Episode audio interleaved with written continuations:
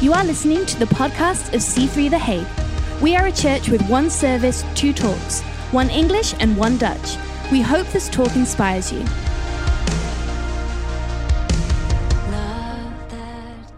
Second Corinthians 9, verse 6 to 11. Paul says this He says, Remember this whoever sows sparingly will also reap sparingly, and whoever sows generously will also reap generously. Each of you should give what you have decided in your heart to give, not reluctantly or under compulsion, for God loves a cheerful giver. And God is able to bless you abundantly, so that in all things, at all times, having done having all you need, you will abound in every good work. As is written, they have freely scattered their gifts to the poor, their righteousness endures forever. Now he who supplies seed to the sower and bread for food will also supply and increase your store of seed and will enlarge the harvest of your righteousness. You will be enriched in every way so that you can be generous on every occasion, and through us, your generosity will result in thanksgiving to God. Well, Father, we, we thank you. Let's just pray for a moment. Father, we thank you for this moment. I pray specifically for this group and for our church that um, giving in this season will be seen as a joyful thing, not out of compulsion, a free will thing. And, and I pray that, it, that you share with us the joy of generosity, the joy of giving. Father, stir in us the gift of generosity. In the mighty name of Jesus, amen. Amen. Or if you want to be old school, amen. I don't know. Do you say amen or amen? Amen. Yeah, yeah, that's cool. It's not old school at all, is it? No, no, it's modern. It's great. Um, so, um, yeah, this morning we had an extra hour. Did you enjoy the extra hour? That's pretty good, right? I, really, really have to say I enjoyed it. Uh, Emily woke up in the middle of the night, and I looked at my watch, and then I looked at my phone, and I was like, "Oh yeah, this is." This is good. So I actually took a, a, little bit of extra time this morning. I don't do this every Sunday morning, but to do a little bit of a workout because I was enjoying my extra hour. And um, the thing about a workout, though, is it always feels great, right, at the end or when you're in the middle. But it feels really bad when your muscles are cold or you just don't feel like it. Is that your experience? Probably not yours, right? Yeah, it is. it's like you know, even when you do it regularly, it's just just to get started is always a little. You feel a little rusty, right? And uh, I see a lot of amens in this group, which is great. And um, I, I feel in some ways scriptures like these are quite similar have quite a, are quite a similar experience to us. When when our gift of giving or when our practice of giving or maybe even when we give but, but our consciousness of what we're doing runs a little cold um, it can feel a little bit like a tough scripture and it can just bounce us in the face a little bit. And let me also just say honestly, I feel sometimes preachers use this scripture and bounce churches in the face. If you give sparingly, you also sow sparingly. So people, you cheap people, start giving because God is not El Cheapo, He's El Shaddai. That kind of stuff, you know. And uh, we've all heard it before. And and you know, so so I, I I pray, my, my desire is, is that this, this scripture will sort of warm our hearts a little bit in this exercise that we're doing in, in giving. And uh, if you're not here every Sunday, I just want to absolutely clearly say we have two Sunday messages a year, probably, where we specifically focus on this. We do have offering messages and everything, but we feel it's important when we teach about giving, not just to talk about giving more or whatever, but also how to give. Because giving with the right attitude, giving with the right mindset, giving not under compulsion, not under manipula- manipulation is extremely important to understand. So it's important for us to, to teach about these things and to be conscious of these things as, as, as a church. Um, but the funny thing is, the first two scriptures Remember this whoever sows sparingly will also reap sparingly, whoever sows generously will reap generously. And then each of you should give what you have decided in your heart to give, not reluctantly or under compulsion, for God loves a cheerful giver. This, these two scriptures seem to me to be a combination of the most popular scripture on giving and the, and the least popular scripture on giving. Why? Right? A lot of people just just love the second part. Don't give under compulsion. God loves a cheerful giver. Um, don't give anything because you have to. And I absolutely love that, and I've quoted that regularly. And I think I think it is it is it is a good scripture. But I feel that sometimes some people might love that scripture a little bit too much out of its context, Because what God is saying, or what Paul is writing here under inspiration of God, he says, if you sow sparingly, you will reap sparingly. If you sow generously, you will reap generously.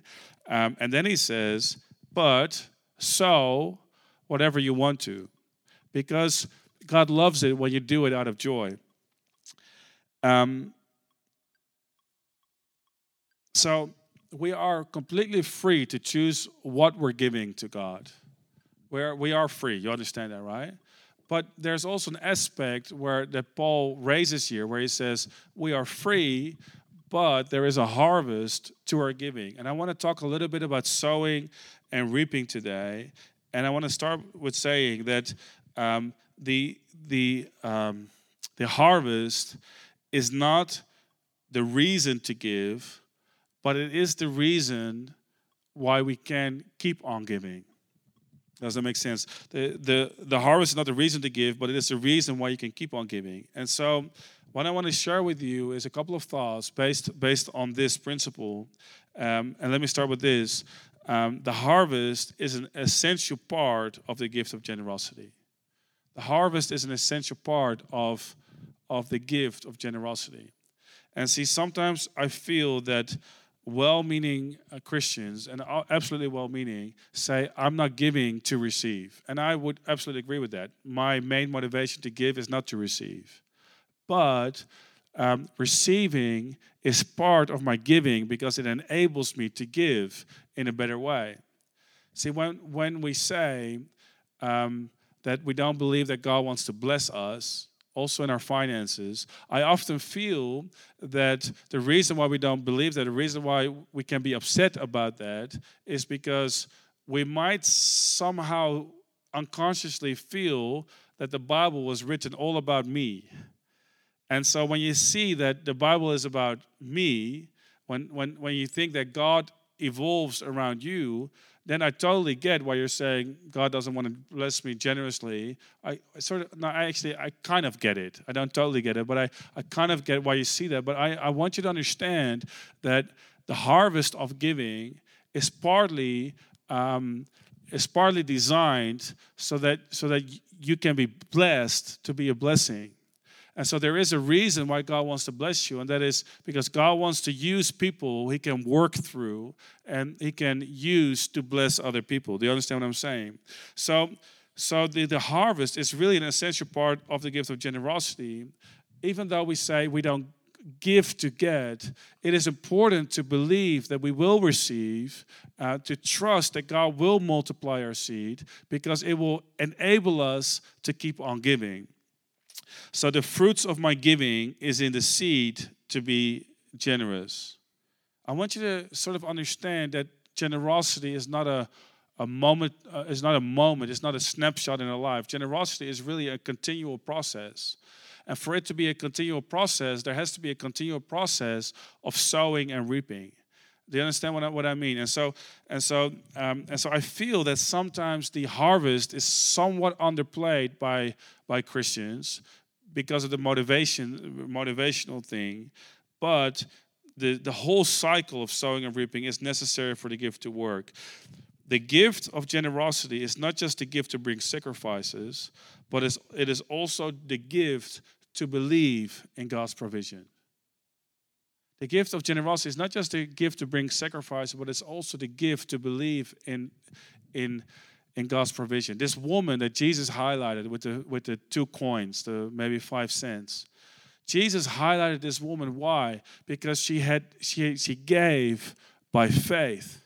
It wasn't just oh, she sacrificed and she took a vow of, uh, of sorry, a, a, vow of poverty. It wasn't just oh, she she she just wanted to live poor and how sacrificial was she. It was more Jesus' statement about her faith. He was saying she has such a trust in God because she has given everything she has because for her that faith is real. She believes that God is her provider. She believes that God will have her back. And maybe sometimes it is easier to believe that when we don't have enough means to get through because we don't have another option. We have to believe it, right? But sometimes when we have a little bit more, we can we can we can sort of have a plan B or a plan C, and we can we can have our own means. But this woman had faith, and I feel that the gift of generosity is is not just about our means, but it is very much about, about our inner being, about the gift of faith in our lives. It is the gift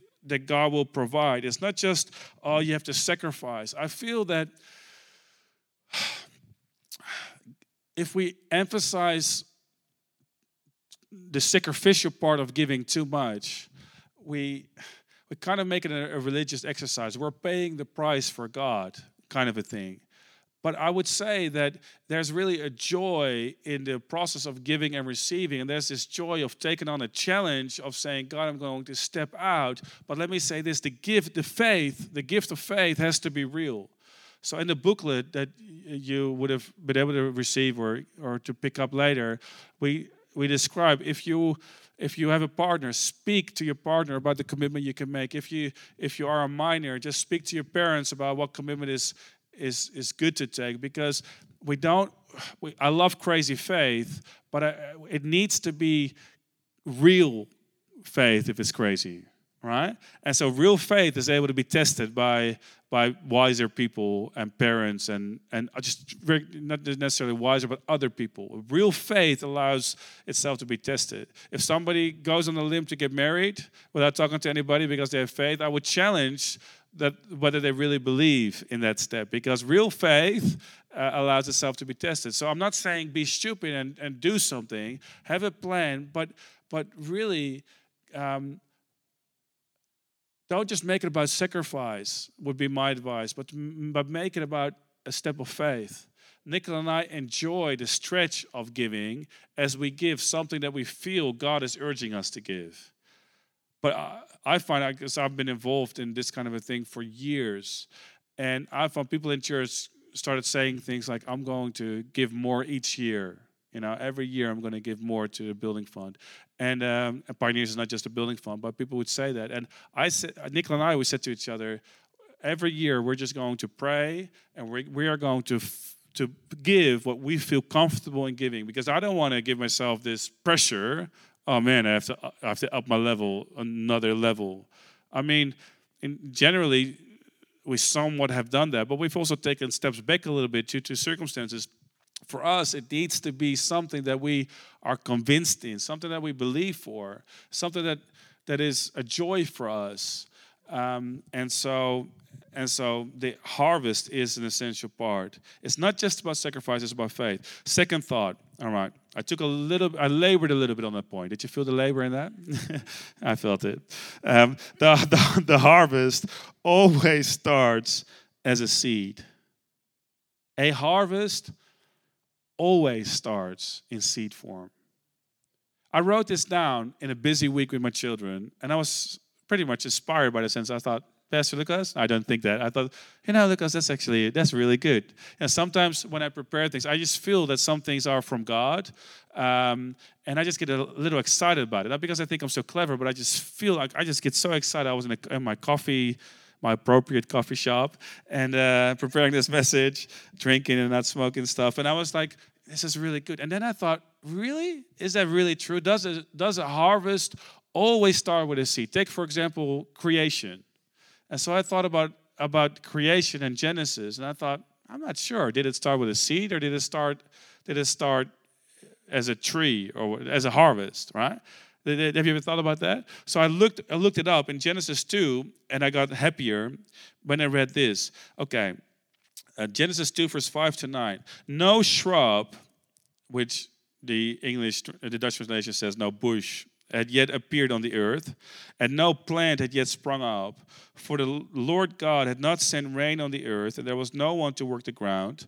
But streams came up from the earth and watered the whole surface of the ground. Then the Lord formed a man from the dust of the ground and, and breathed, I've always found it uh, really impossible to pronounce, and breathed breath into his nostrils, the breath of life, and the man became a living being. Now, the Lord God had planted a garden in the east. Listen to this.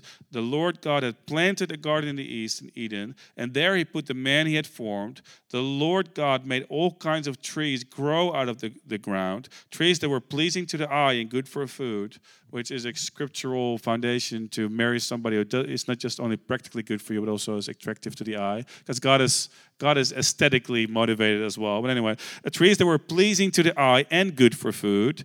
In the middle of the garden were the tree, were, were the tree of life and the tree of the knowledge of good and evil. Now, I just want to sort of draw your attention to these two parts. God planted a garden, and the Lord God made all kinds of trees grow out of the ground. Let me just share this with you. God created mankind, but He planted a garden. Now, it felt a little bit more significant when I prepared it than, than, the, the, than the moment of delivery right now. But God, He created us and He planted a garden. Why is that significant? Well, the harvest, the first harvest ever to be there, started not with the fruit, but it started with a seed. And God created us and we were not, we were, we were created in God's image like God. Now let me just let me just talk a little bit about the way God works. God often, I would almost say always, but let me just say most of the time, what God does, He starts as a seed. Our talents are in us in seed form. There are so many things in our life that that could shape our future, but we I wonder how many people are in our church who don't understand how big their destiny and their future is because they don't value the seeds that God put, has put into their, into their lives. And sometimes we tend to undervalue the seeds that God has given us. But God works Himself, He works in this way. God created the world through faith. You got to understand, He, he created. Um, this whole process of sowing and reaping, he started with seed. It takes a lot of faith. I'm, I'm, telling you, it takes a lot of faith to see some seed and to, and to then figure out that major trees can grow from them and forests can grow from them. It's like, it seems impossible. But see, I feel that oftentimes God wants us to value the small things that he has given us in seed form to be faithful with the few so that god can give can give us a management of an, and multiplication of seeds that he will give us later in life oh it's so good because oftentimes we think that be faithful with few and he will make you ruler over much. We often think that comes just by by okay god will give us more. But see a lot of the stuff that god will give us is because we started with something that was a seed and it multiplied. This is the story of the talents right? He multiplied and then he added to it but he added to what was multiplied. And so so there's all kinds of stuff that god has given us including our finances. And i believe that there are seeds in our finances that we sometimes think we undervalue because we think it's not going to be world shaking. It's not going to be, it's not going to change the face of the city. My gift is not going to do this. But let me just tell you, your, your, your gift is a seed. It is a seed both for your world, but it's also a seed for the kingdom of God. And what God can do with a seed is amazing. So, God, man, I love this. God started out with a seed. God planted a garden, but He created us. We created us to work in the same way that He does. Actually, we are made in the image by God, like gods on the earth, to multiply what we've been given authority over. God has given you authority over what you have. God has given you authority over your seeds. Now, um, let me just say, I'm, I'm, I am. Maybe it's hard to believe, but I'm not a gadget guy. I, I never was when I was a kid. I never was a gadget guy. I never liked PDAs. I spent all my money on skateboards and that sort of stuff. I just didn't really like gadgets until I remember vividly in about 2002. I saw in the in the in the uh, shopping in the window. I and I walked into a store. It was it was a Dixon store, um, and I saw the first Apple iBook, like the white one. It was oh, probably second generation Apple iBook. It was maybe third, but anyway, it was the it was no, it was, it was the first iBook, and Apple had just rebranded itself, and they said, you know, and and and anyway, I saw it and I thought, I want that. And a year later, 2002, I bought my first Apple computer and it changed my life. And this is my, now I'm just kidding. It is not, not really. But you know, I spent about a thousand, thousand bucks on that computer. Thousand euros. It's a lot more expensive these days, but it was also less powerful, right? Although I feel it's getting too expensive. Apple, if you're listening, please bring down the price a little bit. That would be amazing. Um, but I figured out if I would have spent in 2002 Actually, I found a website that figured out because apparently more people are asking the question if I would have invested $100 into Apple in 2002, what would be the return on investment right now? So, this website, um, Investopedia, this article if I had purchased $100 uh, uh, worth of um, stock in Apple in 2002, what would I have made? And, you know, in January 2nd, 2002, the stock the stock at the end of the trading day was worth $23.30. So for $100 you could buy four Apple computer stocks, right? Follow me now because I understand some people are like whatever. Okay? So the article says because there's a multiplication and some delusions or some some things that happen to the stocks. He says on October 16, uh, 2019, Apple closed at $235.67. But he's, but the article says those stocks would have multiplied to 56 shares. The total value of those shares would be 13,000. $197.52 out of a $100 investment.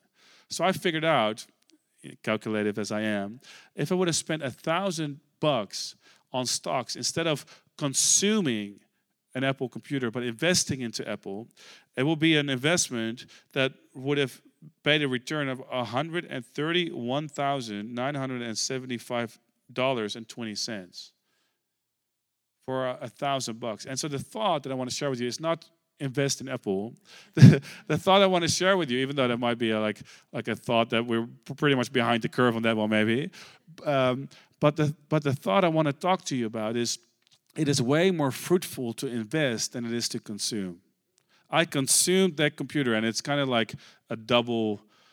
Uh, you know, a double play of words because Apple would have been an absolutely fruitful investment. Would you agree with that? It would be super fruitful, but it would be way more fruitful if we, if we would have I'm glad. I'm glad I'm getting laughs out of this. This took a lot of time. I'm telling you. I'm kidding. It did. But but it would be way more fruitful for us to invest into the house of God. See, Nicola and I, we, being involved in church, and maybe this is the same story for you. We were involved in the church in C3 Amsterdam. I was involved when it got started as a connect group. And over the years, while we were studying, when we just got married, when we just uh, purchased our first apartment, um, in, uh, in all kinds of situations when we had our first job, um, we gave to our building fund. And we somewhat gave sacrificially, I would say. Even though I didn't feel like a sacrifice, I always felt like a joy because we gave what God put on our heart and we did it with an absolute joy. There was a grace in it.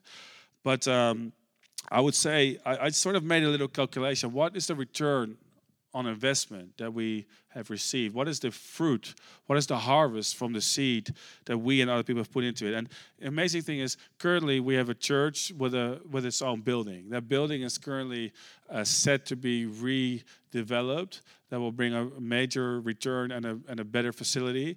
Uh, that will probably enable the church in Amsterdam to start other church buildings and to purchase other church buildings, which I'm not sure the plan, uh, whether that, those are the plans. If people from C3 Amsterdam are listening, that's I'm sure not the plan, but, but it would enable them to do all kinds of stuff. We see uh, one church with more services. We see services in Almere. We've planted a church in London from that church. We planted a church in Arnhem. We planted uh, C3. We see C3 The Hague. We planted this ourselves, but Nicola and I were part of that church in Amsterdam, and so that was amazing. I right now see the, the youth. Nicola and I were youth pastors, and our core team that were in our youth um, are now leading, practically leading the church. Amazing people on worship and on in leadership functions that we've invested into.